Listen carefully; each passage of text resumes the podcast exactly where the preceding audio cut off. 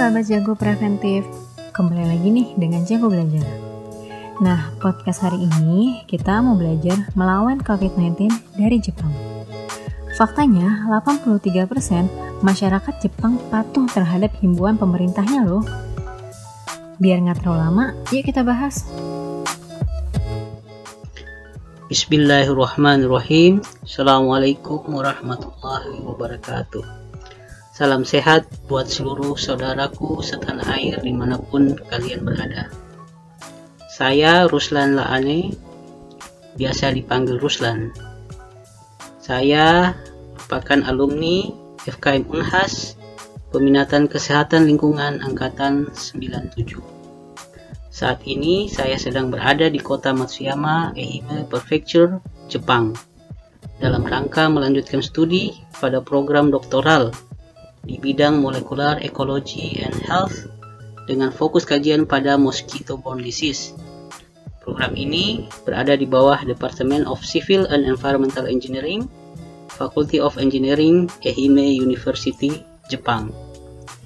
Saya ingin berbagi sedikit terkait dengan situasi dan kondisi pandemik saat ini, di mana seluruh negara-negara di dunia menghadapi situasi yang sama, yaitu kedaruratan kesehatan masyarakat dari penyebaran virus COVID-19 yang sangat cepat dan berdampak besar terhadap aspek sosial, ekonomi, dan bahkan politik di negara-negara yang terjangkit, termasuk di Jepang tempat saya saat ini berada. Sekedar informasi bahwa Jepang merupakan negara kedua setelah Thailand yang melaporkan adanya kasus terkonfirmasi COVID-19 di luar Cina. Sejak kasus pertama di Jepang terkonfirmasi tanggal 16 Januari 2020 yang lalu sampai dengan ini hari ini 16 April 2020 tepat 3 bulan sejak konfirmasi kasus pertama total jumlah kasus yang terkonfirmasi positif sebanyak 8.621 kasus dari 94.236 yang dilakukan tes PCR. Dari jumlah yang positif tersebut, total yang meninggal sebanyak 178 kasus dan yang dinyatakan sembuh sebanyak 901 kasus. Pemerintah Jepang telah melakukan antisipasi sejak dini terhadap potensi penyebaran kasus di wilayah Jepang jauh sebelum WHO menetapkan secara resmi bahwa COVID-19 ini dinyatakan sebagai pandemi global tanggal 11 Maret 2020 yang lalu. Beberapa kebijakan tersebut antara lain pada tanggal 3 Februari 2020 Jepang telah melarang perjalanan dari dan menuju ke Wuhan, Cina Disusul kemudian pada tanggal 12 Februari 2020 larangan perjalanan dan menuju ke Zhejiang, Cina. Dua provinsi ini merupakan daerah epicentrum penyebaran kasus COVID pertama di Cina. Selanjutnya di akhir Februari tanggal 27 yang lalu 27 tepatnya 27 Februari 2020, 2020 pemerintah Jepang mempertimbangkan untuk meliburkan sekolah mulai dari SD, SMP, dan SMA di seluruh Jepang. Yang kemudian ditetapkan pada tanggal 29 Februari 2020. Di antaranya, acara yang melibatkan orang banyak agar ditunda, dikecilkan skalanya, atau dibatalkan. Yang kedua, menghindari berkumpul di tempat dengan sirkulasi udara yang buruk atau di tempat keramaian yang berpotensi kontak fisik secara langsung.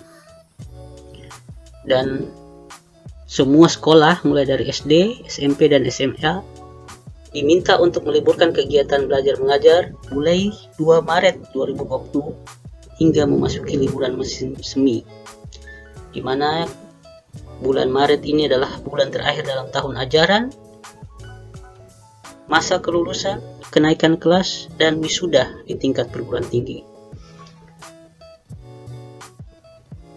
Selanjutnya, beberapa kebijakan lain yang menyusul antara lain memperlakukan meminta untuk agar pusat-pusat perbelanjaan merubah atau mengurangi waktu operasional termasuk jumlah hari dan jam buka atau jam beroperasional. Susul per 10 Maret tepat satu hari sebelum pandemik dinyatakan secara resmi, pemerintah Jepang telah mengeluarkan aturan yang melarang penjualan masker dengan harga di atas harga standar dan memperlakukan denda 1 juta yen atau setara dengan 130 juta rupiah dengan kurs 1 yen sama dengan 130 rupiah jadi denda 1 juta yen atau sekitar 130 juta rupiah ini akan dikenakan bagi distributor yang kedapatan menjual masker di atas harga standar yang berlaku per 15 Maret 2020.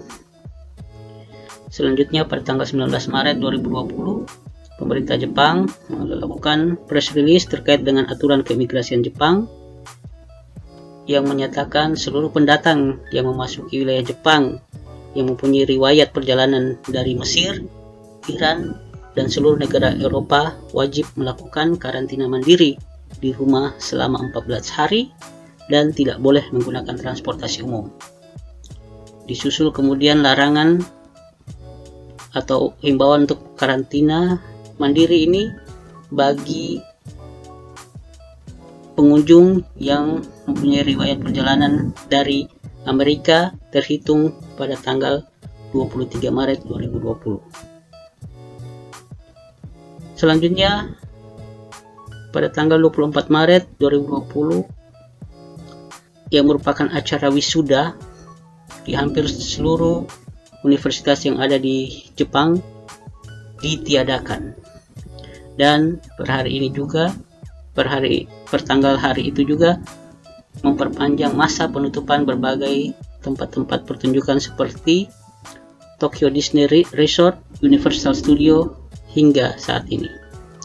Dan yang paling uh, berat keputusan yang harus diambil adalah menunda pelaksanaan Olimpiade Tokyo 2020 hingga satu tahun ke depan atau diundur ke tahun 2021 yang akan datang. Di akhir Maret Pertanggal 25 Maret tepatnya 2020, Gubernur Tokyo mengeluarkan peringatan bagi warga agar bekerja dari rumah saja menyusul peningkatan jumlah kasus harian yang signifikan di Tokyo. Menyusul satu hari setelahnya, empat kota lainnya yaitu di Shiba, Kanagawa, Saitama, dan Yamanashi juga mengeluarkan himbauan yang sama.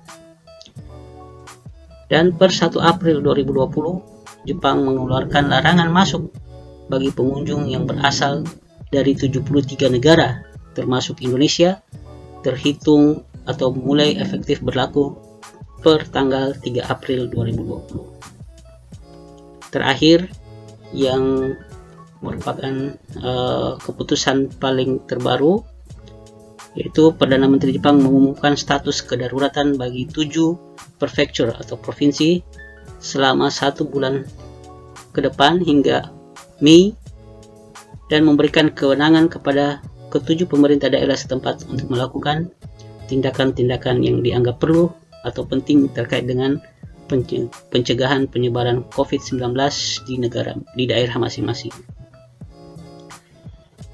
Kalau kita lihat secara umum, kebijakan pemerintah Jepang dalam menghadapi pandemi COVID-19 ini memiliki tujuan utama yaitu memaksimalkan upaya dalam menekan transmisi dan untuk meminimalkan dampak sosial ekonomi. Hal ini dijabarkan dalam tiga poin strategi dasar. Yang pertama, deteksi dini dan respon cepat terhadap klaster-klaster kasus agar tidak berkembang menghasilkan klaster baru berikutnya. Yang kedua, peningkatan perawatan intensif dan pengamanan sistem layanan medis untuk pasien yang sakit parah, termasuk peralatan medis seperti ventilator, ECMO, dan lain-lain sebagainya. Yang ketiga, rekayasa atau modifikasi pendekatan sosial untuk perubahan perilaku ke arah peningkatan kepatuhan warga. Meskipun demikian, sampai saat ini pemerintah Jepang masih berupaya semaksimal mungkin untuk tidak sampai pada keputusan untuk melakukan lockdown sebagaimana negara-negara lain yang telah menerapkannya seperti China, Italia, dan Spanyol. Pembatasan sosial dan fisik, baik berskala kecil maupun besar, masih merupakan opsi yang dipilih disertai dengan tindakan-tindakan pencegahan yang terukur. Di antaranya adalah pemerintah memaksimalkan upaya yang menjadi kewajibannya terutama pada poin 1 dan 2 dari tiga poin strategi dasar yang saya paparkan sebelumnya. Terkait dengan kondisi masyarakat Jepang, secara umum masyarakat Jepang percaya dengan kemampuan dan langkah-langkah yang diambil oleh pemerintah dalam penanganan krisis ini. Selain itu, juga tingkat kepatuhan masyarakat yang menurut suatu survei mem memprediksi sekitar 83% masyarakat patuh terhadap himbauan yang dikeluarkan oleh pemerintah Jepang dalam menangani krisis ini agar tetap di rumah saja, menghindari tempat yang memiliki sirkulasi udara yang buruk, tempat keramaian, dan tempat yang berpotensi untuk kontak secara fisik langsung. Hal ini menjadi justifikasi yang kuat bagi pemerintah atas pilihan kebijakan yang diterapkan saat ini. Khusus bagi warga negara Indonesia yang berada di Jepang saat ini, baik itu pelajar maupun pekerja, juga dihimbau untuk ikut serta berpartisipasi dalam upaya membantu pemerintah menangani penyebaran COVID-19 ini dengan mengikuti dan mematuhi anjuran serta protokol penanganan COVID-19 yang ditetapkan oleh pemerintah Jepang. Himbauan tersebut terkait dengan tindakan-tindakan pencegahan dan penanganan yang sepatutnya harus dilakukan sebagaimana warga negara Jepang lain pada umumnya.